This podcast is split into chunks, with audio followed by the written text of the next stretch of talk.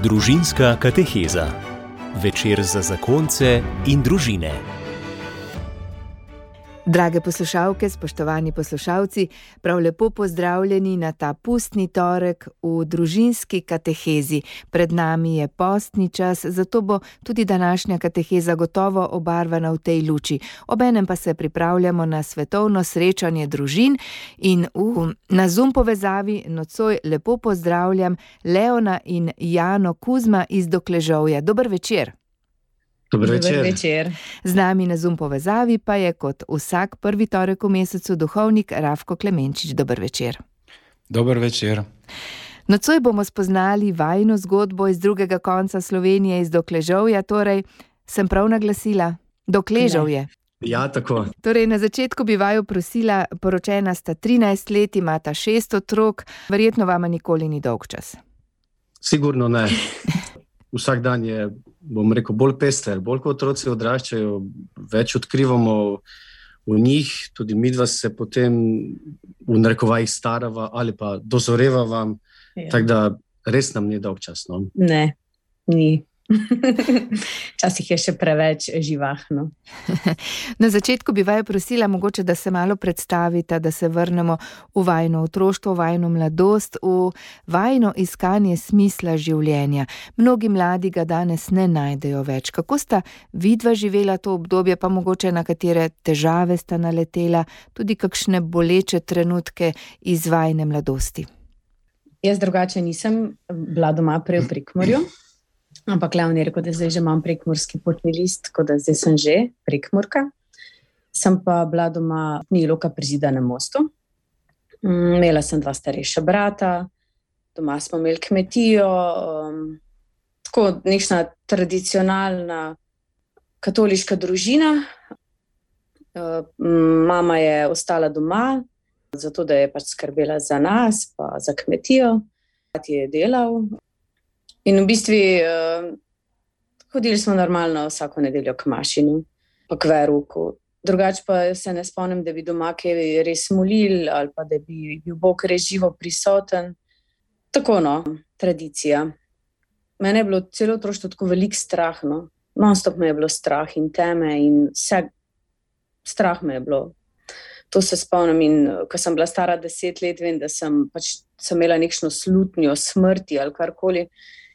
In ko sem imela praznovanje za resni dan, ko so si šli domov, sem tako, uh, bila fuldo razburjena in sem jokala. In pa sem pa sprašvala, pa kaj ti je, pa vse si dobila. In se ka ne, jaz hočem smrt. Ne? Sem prav to kričala in sploh ne vem, mi je to pršel. No, in pa v bistvu res čez eno leto, skoraj točno čez eno leto, je moj ati naredil samomor.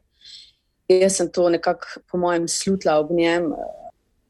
To zdaj, zdaj lahko razumem, no? da se je on res s tem boril dolga leta.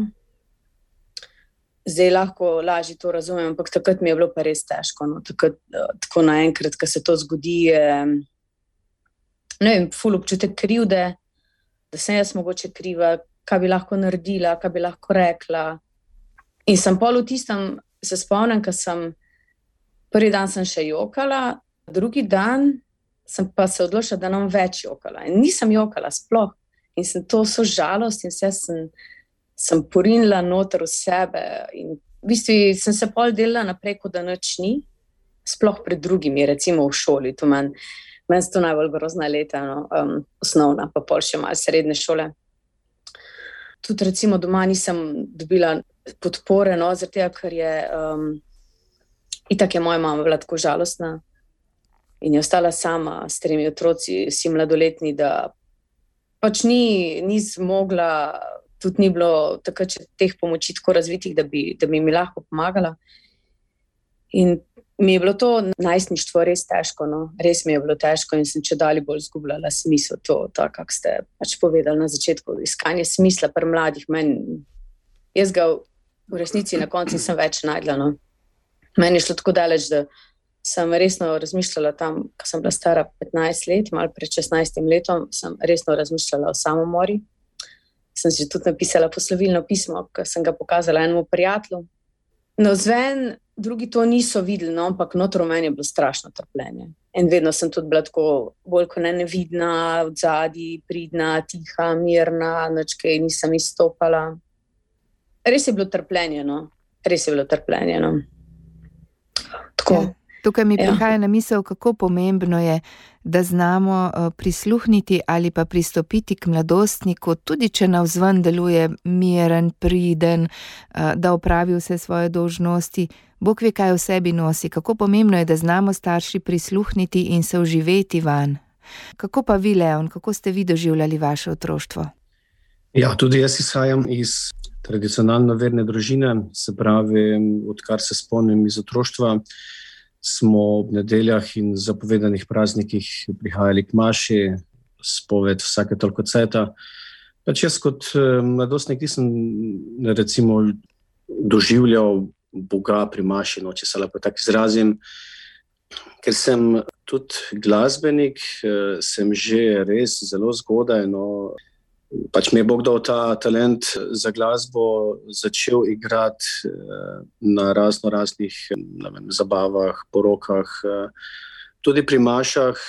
Ampak recimo, če primerjam zdaj, ko grem k maši igrati ali pa tedaj, se mi zdi, da sem takrat bolj kot ne nastopil, ker mi je pač to bilo fajn. Bil sem mlad, bil sem, vem. Atraktiven, jo je zdaj pa tam en mlad pri oltarju, igra pa kako fajn poje. Pa on, pač Ne? To otroci smo imeli radi, ko smo recimo, imeli otroški pevski zbor uh, v Župnije. Tako da, ja, no, smisla se mi zdi, da nisem videl no, pri Maši, pač v bistvu tistega bistva. Ne? No, tekom igranja na vseh teh razno raznih zabavah, pa se mi zdi, da sem prihajal v stik z enim zdaj bi rekel, najbolj čudnim svetom, ne, ko spoznaš, uh, kakšni so ljudje, ko se ga napijajo, ko niso v domačem okolju, prihaja do razvrata, takšnega in drugačnega, um, se pravi, do pretiranega pijančevanja. E, najbrž je bil to eden od sprožilcev, da sem takrat zašel v pornografijo.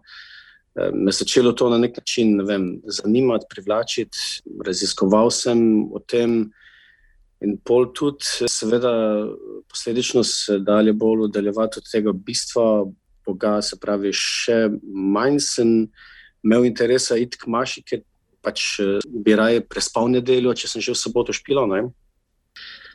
No, in pol to me je peljalo res v tisto v odporno najstništvo, eh, ko je bilo vrh glave vse, kar je od staršev recimo prihajalo, da je v navednicah dobro za me.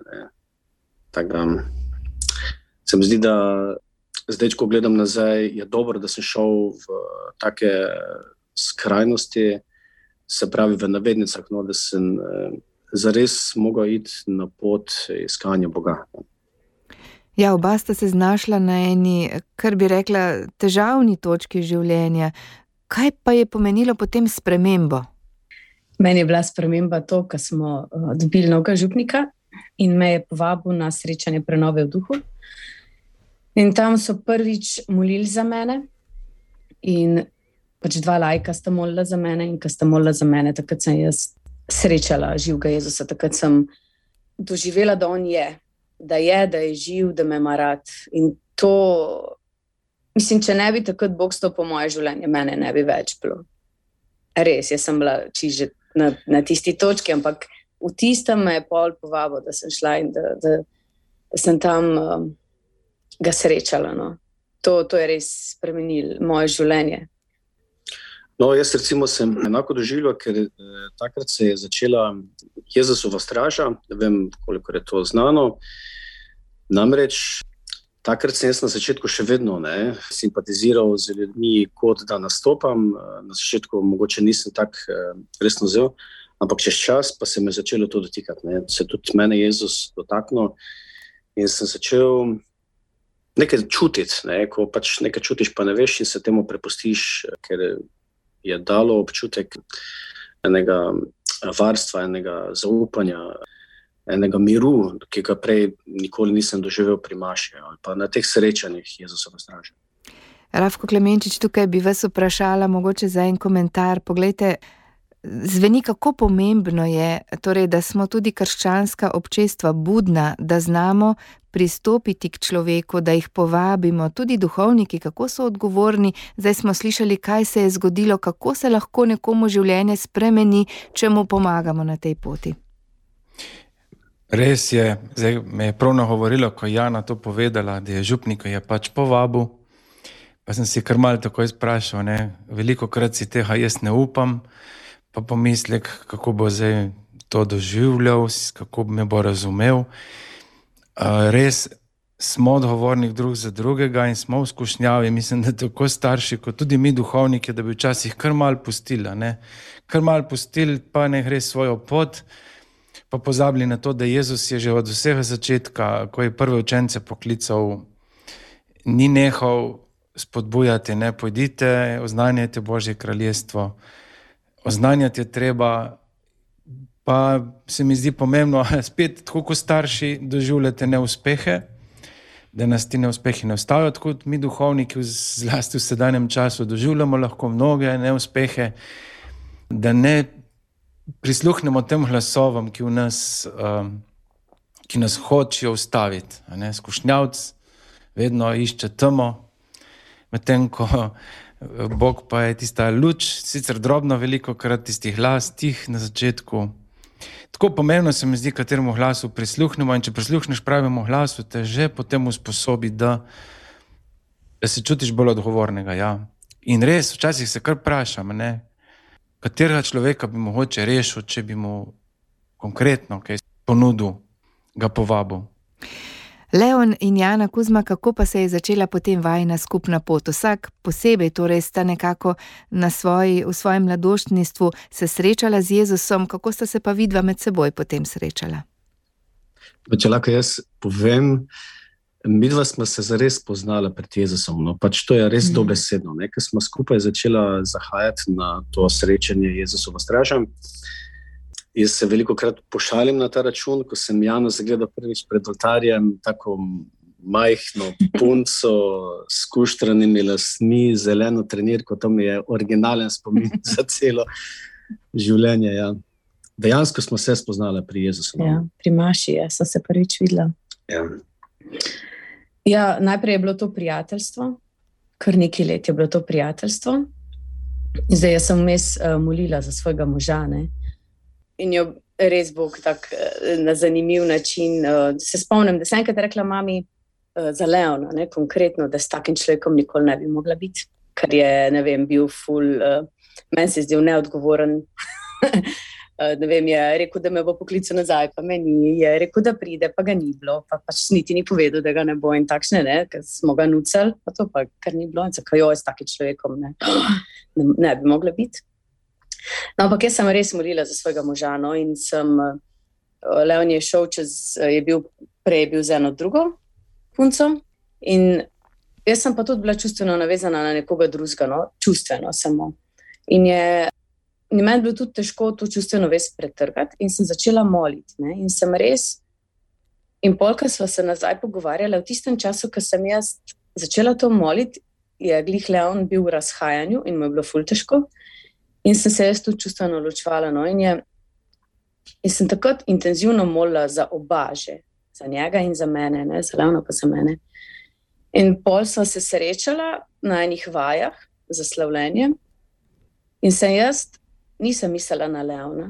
Pač pisala sem pisma Jezusu in sem tisto pismo napisala, ker sem to bilo po enem duhovnem vikendu in me je fulno govoril to, da se zahvaljuješ že vnaprej ne, za to, kar se bo zgodilo, ali pa se je, ali, mislim, da se zahvaljuješ že. Ne. Zdaj, in sem tisti dan sva se srečala. In tisti dan sem jaz napisala pozvečer zvesek, hvala Jezus, ker sem danes spoznala svojega moža. Ampak jaz nisem mislila na Leona, to, to mi je pol nazaj, ko bilo wow. No, in pol je v bistvu to dozorevali, in sva eh, v bistvu oba nekaj začutila pri eni sveti maši, ki je bilo pr za praznik svetega Jana Zaboska v Sevnici, ki so nas povabili k sodelovanju.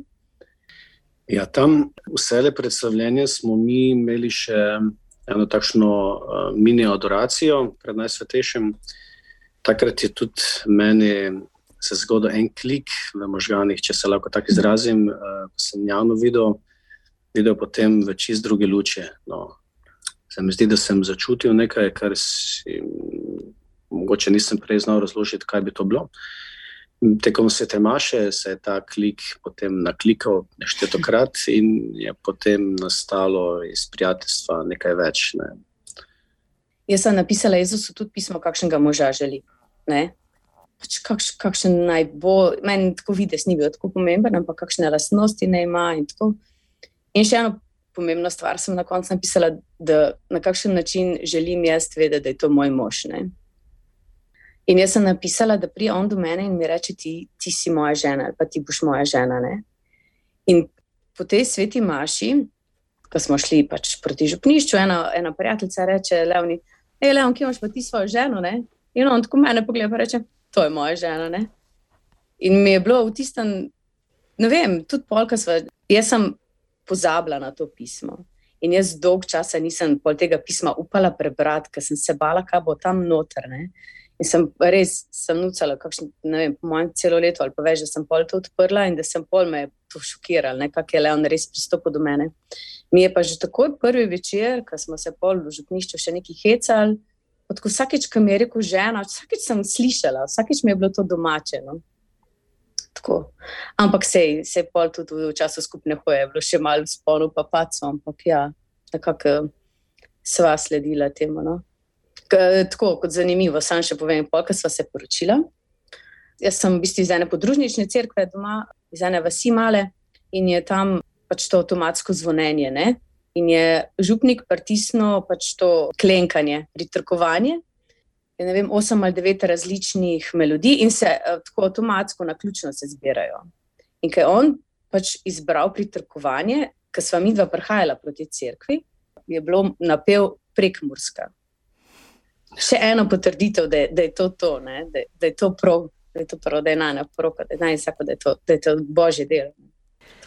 Ja, rekla sta torej, sta se spoznala, sta se poročila, spoznala sta se pred Jezusom, spoznala sta vsak osebno Jezusa.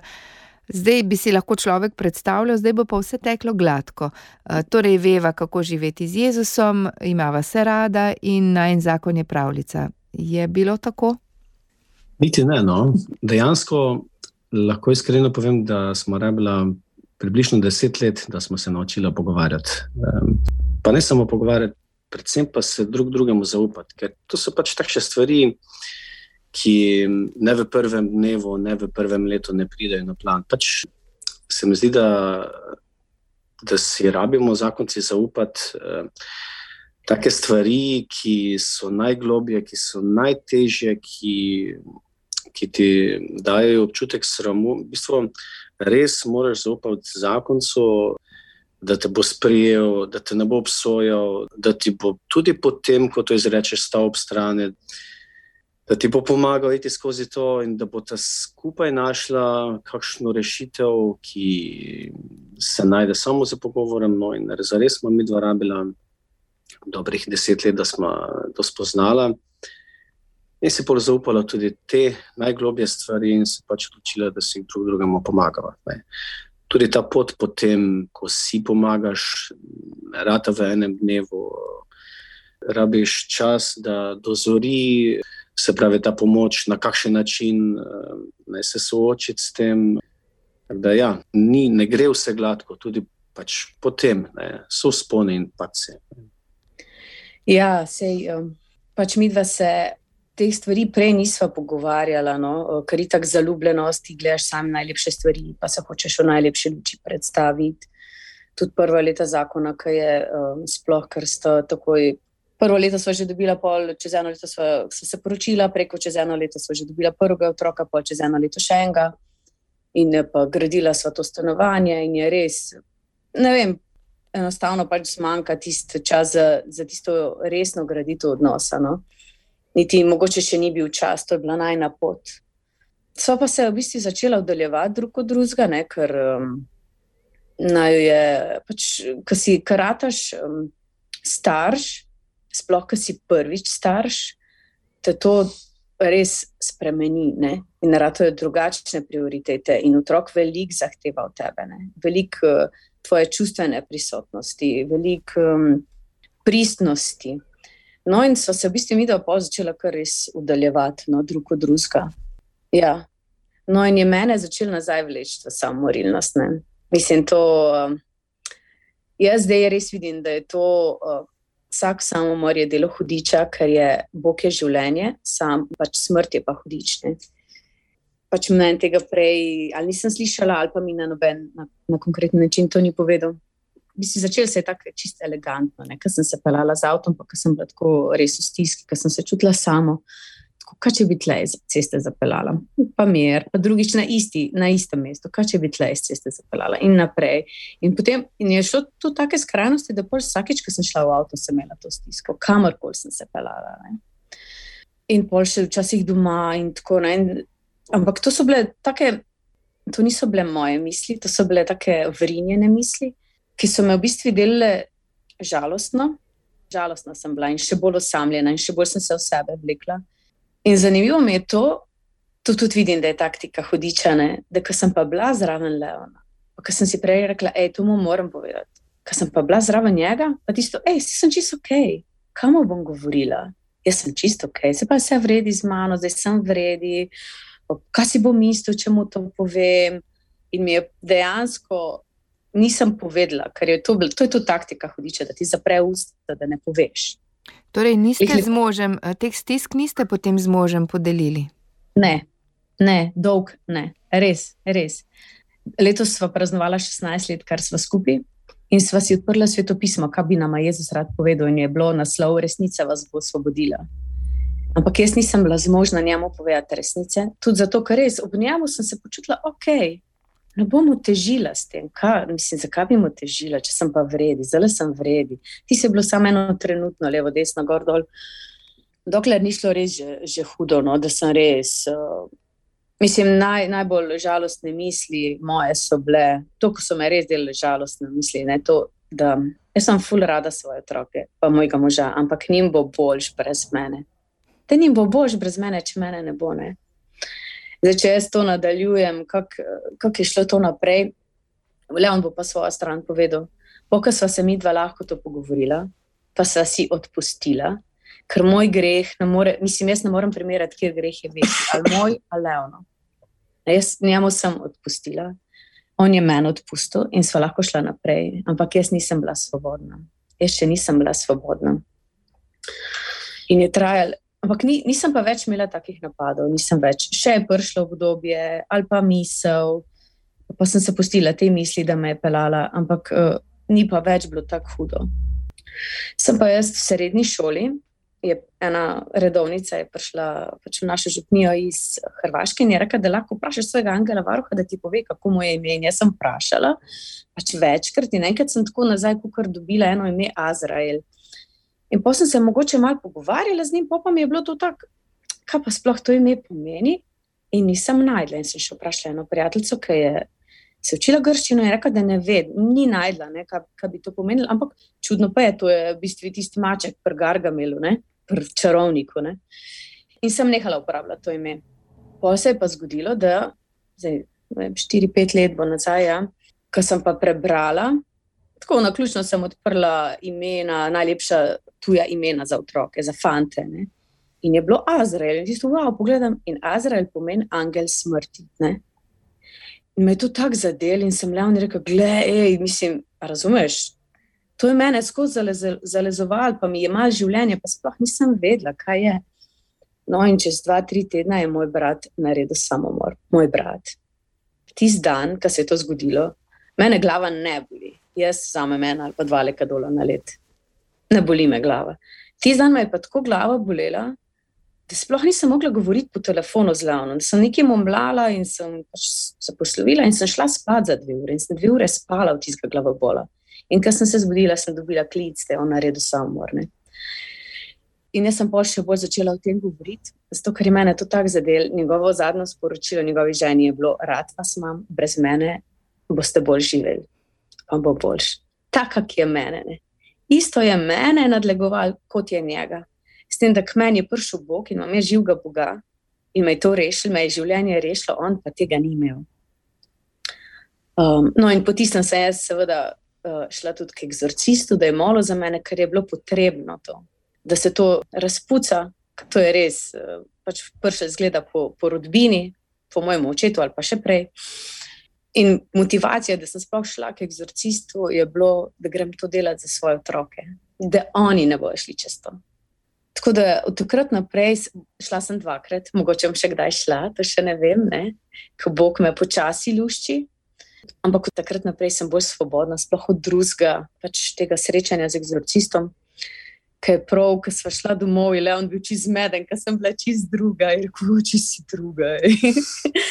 Tako da, ja, jaz, jaz sem mogla iti čez to pot. No.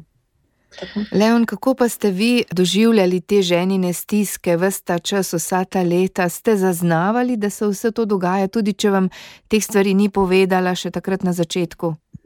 Niti ne. No. V bistvu sem se tudi jaz bolj kot ne ukvarjal sam s sabo. Ne. Ja, lahko rečem, da smo si bila v tem nekako tuja. Pač, čuti sem, da se nismo najbolj drug drugemu odprla. Ne? Da pač neka ovira je. Nisem pa vedel, da, da je pač vse to, kar je Jana povedala takrat in sedaj vam, eh, to v zadju. Da pač to je velika teža, veliki kamen. Ne? Tako da nisem tega zaznaval takrat. Šele takrat, ko smo se zares izpovedali drug drugemu, smo videli, da je za res ogen v strehi in je za necaj, da pokličemo ta prave gasilce, da to pogasijo. In potem, ko so to začeli gasiti, kako ste tisto obdobje potem doživljali, tudi ta izhod, gotovo se to ne zgodi kar naenkrat, je potrebno potem veliko ustrajnosti, veliko potrpežljivosti, veliko ljubezni. Zares. Mi, kot družina, gremo vsake toliko cajtov tudi v Mečgorje, k Mariji, ker pač uh, izročimo vse te stvari, Marijo, prosimo, da pač uh, nam izprosi pri Jezusu. Lahko za sebe rečem, da ko sem bil na enem od seminarjev za glasbenike v Međugorju, sem prvič začutil tako iskreno pred najsvetejšim, da je pač vem, ta duh pornografije nekje zasidran v naši rodbini in da pač najbrž ne matra to samo mene, tudi druge pa se drugi ali nočejo s tem soočiti, ali pa vem, zamahne z roko, kot da to nič takega ni. Ne? No, ko smo bili pa enkrat kot družina, pa sem, uh, smo šli isto gor k Mariji in takrat sem jaz čutil, je Marija je ženska, tako sam pri sebi, da je zaupaj ti to. Edini ženski, ki te bo, mislim, edini, pač, ki, nekomu, ki te bo zares razumel duhovno. Ne? In se zares na tako sem čutil zelo velike tektonske premike v sebi. In takrat sem vedel, da sem zares na poti k ozdravljenju, k osvobajanju, k, k temu, da pač se začenja to pucati, pucati, pucati. No? In zraven Marije, naslednja ženska, če se lahko tako izrazim, ki mi je pomagala, je bila moja žena. Ne? Ker ženska razume ni akt, ne, kot so v teh eh, prizorih, je oseba, ki, ki tako kot Marija, tako kot moja žena, ki me res lahko razume no, v tem, mi daje ali pa, ali pa če sprosi prezo, tisto za res ta prava stvar. No, in, eh, te dve ženski sta bili ključnega pomena v mojem življenju, da sem jaz lahko dokončno izstopil iz tega in se osvobodil iz tega. Ne.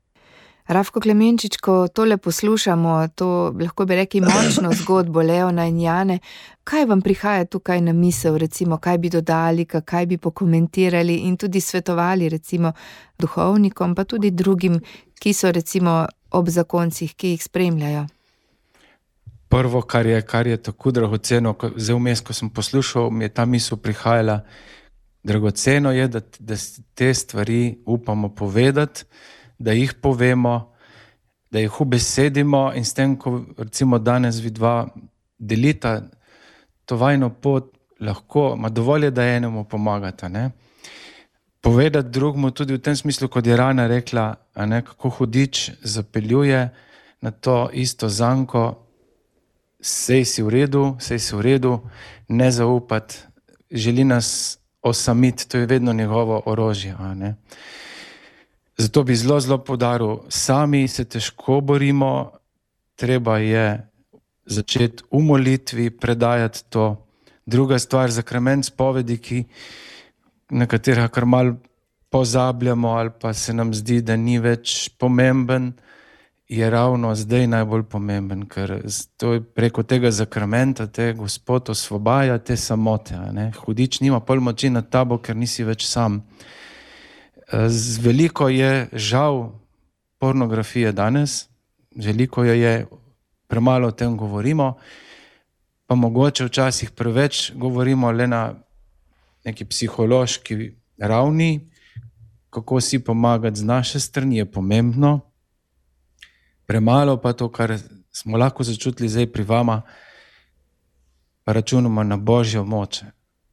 Jezusa spoznamo, srečamo, Boga srečamo, so rekli že stari duhovni učitelji, kot lahko kot odrešenika. Se pravi, ni mu težko, pravzaprav Jezus uživa, da nas lahko odrešuje. On vidi naš rod, daleč nazaj, odkje prihajamo. Ma vidi predvsem kot možnost, ne kot problem samo. In uživa, da je lahko naš odrešenik in dovolimo mu, da je odrešenik. In zlasti pa v zakonu, ko prijete dva skupaj, vsak svojo zgodovino, Bog že vidi vnaprej, vidi preteklost, pa vidi tudi prihodnost. Kako pomembno je, kot je Jana rekla, da je bila to motivacija, ne zaradi otrok bom to naredila.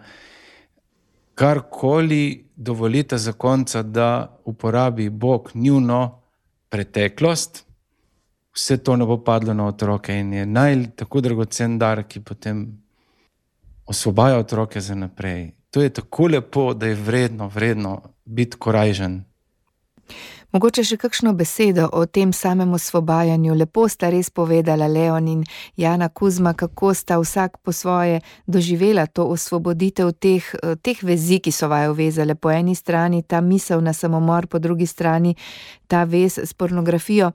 Mogoče bi še malo bolj razložila za tiste, ki se s tem soočajo, s temi problemi.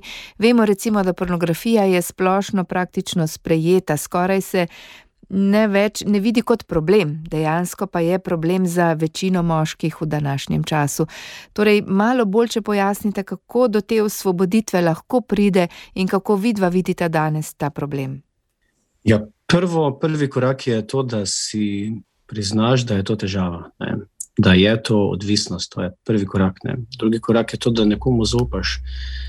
Sam sem bil veliko krat pri spovedi in enkrat mi je en spovednik rekel, je rekel Leon, zakaj se ti sam boriš proti duhovnemu svetu? Ne moreš. Ti, ti imaš celo vojsko za sabo, svojega svetnika. Leon Velik je moj svet, krstni zavetnik, je bil veliki svetnik. Vse angele, svetnike, in mi tudi uh, zjutraj, ko molimo, prosimo, da nam naj pomagajo vsi angeli in svetniki, naši, kozmovi. ne, je rekel, da je uporabi to orožje, ne, prosi ti, res duhovni svet, naj se bori s tabo. Ne. Potem naprej, ja, pornografija je kot eno kolesje. Ne, vsakeč pridejo nove državljaje, vsakeč te bolj potegne, vsakeč te zanimajo druge stvari. Toneš, v bistvu, vedno znova, bolj in bolj, pa niti ne veš, da toneš, ne? ker se ti zdi površinsko, ah, zdaj pa bi malo, zdaj pa imam čas, zdaj pa ne vem, sem sam, zdaj pa bi to skoristil. In pol te tako prevzame, da živiš s tem, da dejansko živiš v sporeden svet. Ne? Vse, kar vidiš, je akt, vsako dejanje, vsak premik ženske je za te, ne vem, dražljaj ok, jaz nisem šel v to, ampak eni potem grejo še, vem, da kupujejo stvari eh, in se dodatno eh, zadolžujejo ali pač eh, financirajo take stvari. No, potem ti vse te slike, ti prizori ne dajo miru, ne doma v družini, ne po noči, ne po dnevi, ne pri maši. Recimo, kot posledica tega, najbolj me začne hudič ali pač ta duh pornografije napadati pri sveti maši. Mislim, to ne moreš verjeti. Ko eh, pridemo do pozdigovanja, mislim, meni, meni, meni take prizore prihajajo, vse se borim s tem, pa, pa zdaj, zdaj vem, ne, kaj moram narediti, da, da preprečim to duhovno. Ne. Ampak najbolj je to pri maši. Pri maši pride ta. ta se pravi nebo in pekel, nekje najbolj skupaj. Ne? Tam je duhovna bitka najbolj najhujša. Ne? In sem se enkrat, eh, ko sem se peljal domov iz službe, ko me je spet eh, vsake toliko cajt me sproba, če si trden ali nisi, ali boš zdaj pridi k nam nazaj, mi te rabimo. Ne? Me je začel spet z nekimi prizori in sem prav se spomnil ene molitve samo od sebe in sem rekel: Jezus, prosim te, odzemi hudičjo željo, da me bo rino v skušnjavo. In to se je trikrat ponovilo, in puf, in je vse začelo sonce sijati, razumeš, videl sem tam traktor. Mislim, čist, drugo, čist drug svet sem doživel. Ne. Ampak se res, Jezus, prosim te, odzemi hudičjo željo, potem, da me rino skušnjavo. Ne. Željo potem. Ne. Take stvari, ne vem, v bistvu ta sporedni svet, ne, to je res veliko, veliko zlo. No. Vidiš, prideš domov v družini, pa živiš ta svet, pa oni svet, pa ne veš, kaj se dogaja, ne veš, kako otroci rastejo, ne veš, kaj so doživeli v šoli, v vrtu, ne veš, kaj ti žena govori, nekaj ti nekdo govori, pa si še vedno tam nekje. Ja, je potrebno veliko energije, pa tudi molitve, zaupanja. Tudi o tem, ne, vse sem jaz povedal, smo se že eno veliko o tem pogovarjali. Ne pač, ja, to je potrebno tudi nekoga imeti ob sebi, ki te razume, ki se ve s tabo o tem pogovarjati. Mi dva imamo tudi eh, duhovnika, kateremu greva, da se o tem pogovoriva. Imamo veliko eh, prijateljev, duhovnikov, ki razumejo tudi to, lahko nam dajo kakšen svet eh, v tem. Predvsem pa to, ta borba mi je bila potrebna z Jano, ker drugače ne vem, če bi jaz zmagal. Oziroma, bil zmožen, zmožen uh, iti čez to, oziroma ven iz tega. Kaj pa recimo občestvo vernikov? Tudi lahko pomaga kakšna skupina. Prej ste omenili, torej vi, da ste bili v skupini prenove v duhu, razne slavljenske skupine. Kakšno, kakšno oporo pa so lahko tudi takšne skupine? Recimo? Jaz mislim, da je to eh, pač tabu tema. Ne? Mi dva tega nismo pred skupinami nikoli povedala. Zato, ker je to res tako osebna stvar, ne? osebna za Leona in tudi za mene, ker je mene pornografija kot žensko full rano. Nekaj sem to oblevno vse čutila. In zato sem se to čutila sama. Hudična je vsem imel, njega na svoj način, mene na svoj način, naj hoče spraviti na razen. Jaz pač prosim Boga zadnje čase, da nam pokaže moč zakramenta svetega zakona. Mi tega sploh ne poznamo. Poznamo, ne vem, kaj je moč zakramenta krsta, duhovništva, vse, ampak moč zakramenta svetega zakona, kaj je to. Ne? In se prav, ko molim zdaj za Leona, ki zdaj ima pač pa težave z korono še, ki je posila posledice, vedno rečem v moči zakramenta svetega zakona. Da se pokaže ta moč, To me je res nagovoril, ker jaz poslušam pričevanja, ker sem doma eh, na YouTubu, tudi iz Mečogorja, iz Mladi Festa, ki je bil eh, en italijan, ki je, imel, ki je bil obseden z legijo. Ne? In ki je razlagal o tem, kako je hodil za ženo, ki je pripravljala mizo. Ne, in kako kak je to hudiča vznemirjal, da ona pripravlja mizo in da bo lepa miza, kako je to vznemirjal hudiča. In je ona v mislih začela v moči zakramenta svetega zakona. Pustite me primer, ali karkoli že rekla v mislih je to rekla. In je hudič v tem človeku to začutil in rekel: Tihen, nehaj to misliti. Mi ne vemo sploh, kaj je tu moč sakramenta svetega zakona in to je res to, to je neodkrito področje, ki ga moramo odkriti, ki ga moramo odkriti skupaj. Ne? In recimo tudi za pornografijo. Jaz sem začela prav za Leona molitve v moči zakramenta svetega zakona, duh pornografije, stran od Leona. Ne? Od naše družine. In od naše družine, ja. Ja, jaz bi samo res, da ne bi pozabili tega, res, Jana, kar si povedala. Resnično, resnično premalo upoštevamo prav moč zakona. Res vidimo, kako je danes zakon napaden. To je tako očitno. Drugo, eh, mogoče ne, ta osamitev, o kateri ste govorili, veliko krat hudič uporabi še eno orožje in to je občutek krivde. Se zapremo zlasti mi, ki smo verni, ki smo vzgojeni, hudič potem uporabi to proti nam, eh, da se čutimo krive in se spet zapremo. Tako da se mi zdi zelo pomembna, je pomembna ta obrambna drža, obrambna drža, da se izogibamo priložnosti, vendar je to premalo. In kot so stari rekli, klin se s klinom izbija. Če nas, nas napadajo te podobe, zapeljujejo te podobe, in deluje zelo močno na naša čustva, na našo ranjenost, je potrebno iskati druge podobe, ki premagajo, ne? iskati prave duhovne podobe. E, nekoč sem poslušal enega hinduica, oziroma ko je razlagal na vzhodu, imamo mi to metodo, e, da se izpraznimo, da vse obvladamo misli in tako naprej. In smo ravno pripravljeni, ko pridemo na zahod, je prazen prostor, da se lahko te podobe v nas naselijo. Gledamo televizijo, internet in samo prazniti ni dovolj, ampak mi imamo, mi imamo podobe, ki lahko premagajo to. Drugo, dati zakrament spovedi, zdaj, zdaj začenjamo posni čas. Ne, jaz predlagam eno spoved, ku na začetku, potem pa še pred veliko nočjo, ker če boš res res stopil na eno pot, bo, bo tudi boj, bodo tudi porazi.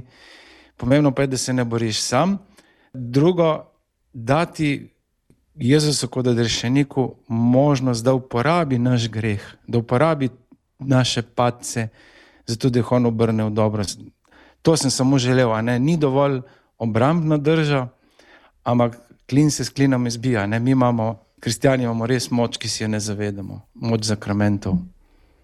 Mogoče še eno podvprašanje v povezavi s tem, Leon, kaj bi svetovali možem, ki se soočajo s podobnim problemom kot vi? Vemo, da jih je ogromno, statistika kaže res uh, kar velika večina, pa si recimo ženi tega ne upajo povedati, jih je sram, občutek krivde, kot smo sedaj slišali.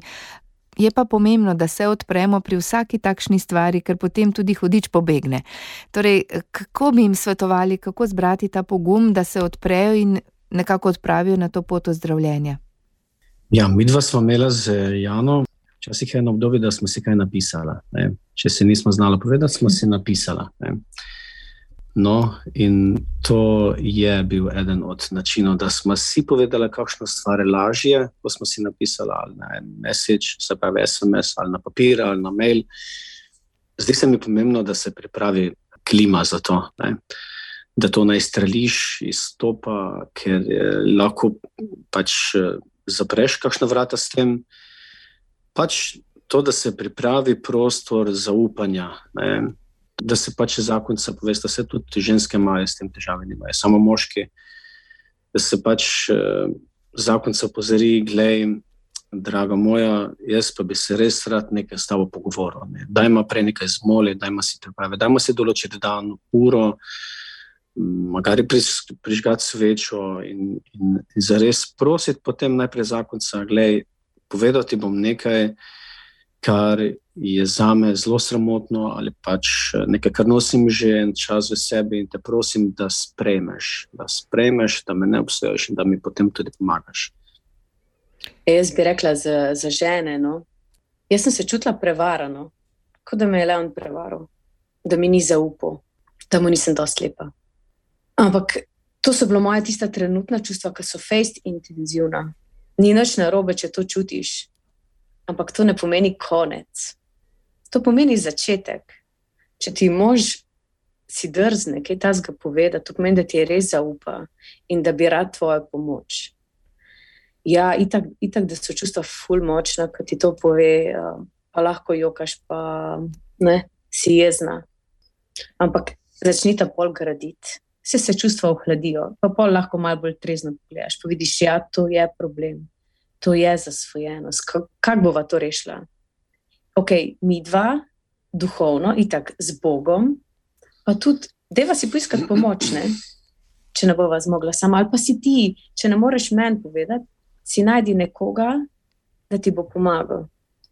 Lažje je na nek način obdržati to zase, pa s tem pač živeti, se soočati. Ne. To je lažje, to je tisto laž. Ne. Ja, ampak ženske to vse čutimo. No, vse zato je tudi potrebno ta korak narediti v zakonu. Pač, eh, pa mogoče ni to samo pornografija, mogoče je kakšen drugi problem. Ne. Ampak res je potrebno eh, prositi za to, da, da te so zakonec sprejme v tem. Ja. Meni se zdi, da pač, eh, mi dva sva eno. In hodiš bo probo vse, da naj jo spravi na razen. In če smo eno, gledaj, moramo iti tudi čez težave skozi. In te težave nas, nas lahko samo ukrepijo, pa lahko zrasteva na enem področju, se pa se še na drugem področju bojo težave pojavljale, ampak lahko tle zrasteva. Ne? In to, to, to še enkrat, to, to je bila moja motivacija, še zdaj, da vse to delam za svoje otroke, za najne otroke. To delam za najne otroke. Je pa to vsakodnevno delo, to ni enkratna odločitev, pa bo potem vse steklo. Ja. Ja. To je borba, to je res borba. In mi, da se res učimo, ne? to, to je letos to, kar nam je Jezus srce po svetem pismu sporočil, ne? resnica vas bo osvobodila, vaju bo osvobodila. Gle, ne bo brutalna resnica, ampak je resnica in to je to, moramo naprej graditi na tem. Mhm. Itak, skozi, skozi je delo, skozi. Ja. Ja, torej, eh, ne smemo si metati peska v oči, spremlja, ko spremljamo vem, razne televizijske nadaljevanke ali filme in zgleda, da je ljubezen samo nekaj romantičnega. Je trdo delo, ampak ali se splača? Kaj vidva doživljate, recimo, ko vam uspe? Ja, ko nam uspe. Mi dva imamo tudi en taki svoj način, no, da proslavimo kakšno zadevo. Ne, ali kakšni večerji si damo, kakšen film si. Eh, um, odpremo kakšno vrečko čipsa. Recimo, to zdaj nekaj je eksodus. Ja, uh, no, v glavnem, um, ko nam uspe, ja, uh, je treba dati tudi potrditev temu, da ti uspe. Ne. Ker ko ti uspe iz uh, takšne in drugačne bolečine, je zares uspeh. Hkrati pa zavedanje, da, da ta trenutek, ko ti uspe, pač ni konec tega bojevanja. Ne. To je potem, to pomeni, da si na pravi poti, ne. da si na pravi poti, da si na poti k svetosti. Meni to res pomeni, da so si res blizu. No? Kadar nam uspe, da so si res blizu. Jaz res moram pohvaliti Leona, kako je on zarastel v teh letih, kar ga poznam, kar so skupaj, kar so poročena. Ker je od začetku, pa do zdaj, od začetka, ko sem jaz imela kakšen čustveni izbruh ali pa kaj tako, je, je pobegnil, zdaj pa ustraja, pa je z mano in to meni ful pomeni. No. Da je on zraven mene, ki mu jaz kaj takšnega povem, ali kar me moti, ali kar sem slabe volje, ali kar but nekaj ven iz mene, da on ustraja in je z mano. In da se na nek način se, se moramo to vsi zavedati. To ni napad na njega, ampak to so moje stvari, ki morajo ven prijeti. To so moje rane, In on je tukaj zato, da, da mi bo pomagal jih zaceliti, no, da bom prek njega jaz se čim bolj cela. No. Je pa verjetno za njega težko. Mora biti kar zrel, da razume, da ni to napad na njega, ampak samo pucanje nekih ran, ki so vaše. Ja, ravno to sem zdaj študiral. Ne? Ko je Jana govorila, veliko tega smo se naučili pri družini in življenju, predižo to sporazumevanje, to si zraven, da, da poslušaš, da slišiš. In to je zelo pomembno v zakonu, da, da pač poskušamo drug drugega slišati in ne dajati na svetu, da pač poslušaš, ne? da si rama. Ja, um, za nocoj bomo kar počasi zaključili, pa bomo potem naslednjič nadaljevali z vajno zgodbo. Predvsem nismo se dotaknili še vajnih šestih otrok, pa vzgoje, pa marsičesa. Jaz bi prosila zdaj ob sklepu, torej jutri začenjamo postni čas da vidva povesta, kako doživljata, pa mogoče kakšno spodbudo, kaj ste si zadala za ta postni čas, pa tudi Ravko Klemenčič, kako ga vidite, tudi sedaj v luči priprave na svetovno srečanje družin, ki nas bo vodilo pravzaprav k temu, da smo vse družine poklicane k svetosti, kar sta tudi vidva že omenila. Ja, mene se je enkrat fejs dotaknilo ob začetku enega uh, postnega časa, ker je duhovnik pri pridiki povedal, da je vsa crkva v postnem času in da lahko računaš na podporo vseh bratov in sester. Ne, mi smo bratje in sestre in, si, in to, kar si zadamo, ne greš to ti sam. Ti lahko računaš na pomoč, na moč, molitve, vse crkve. In to je meni, ful, ful me je nagovoril, ta nevidna podpora. No. Mi dva sva, itak, sva se letos odločila za Exodus, se je le odločil, zdaj že par let zaporedoma, jaz pa za Fiat. Um, pa že tako se malo dlje časa, recimo, pripravljamo, ampak je zdaj začetek postnega časa lahko obnovitev, ne, ker zdaj že malo pozabiš vse te, kar bi mogel recimo delati, pa se odpovedati, pa malo iščeš bližnjice. Ponovna to uh, odločitev za, za, za, za te stvari, no, ki smo si jih zadala že malo mal prej. Ja, Posni čas je na nek način tudi pot vstajanja.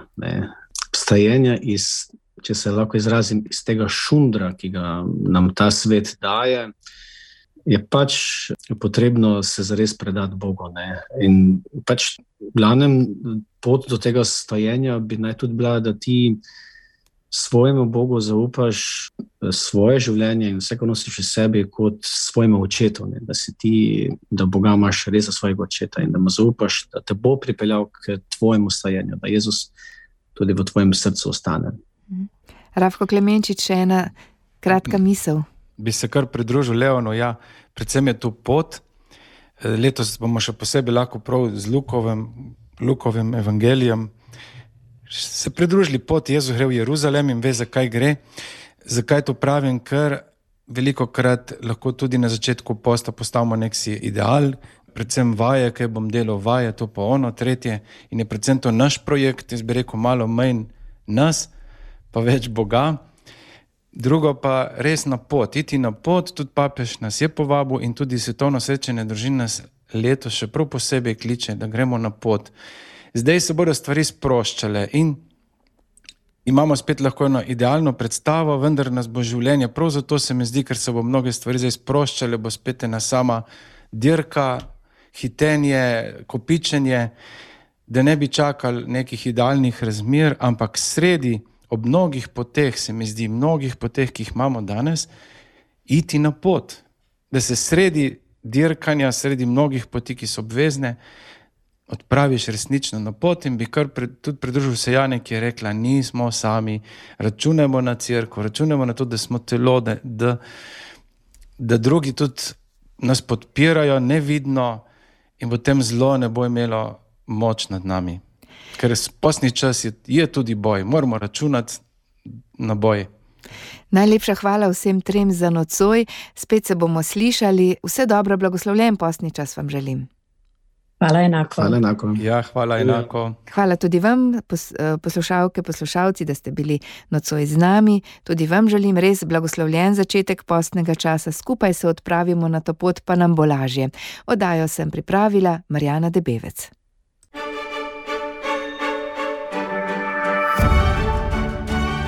Na radiju Ognišče ste poslušali družinsko katehezo.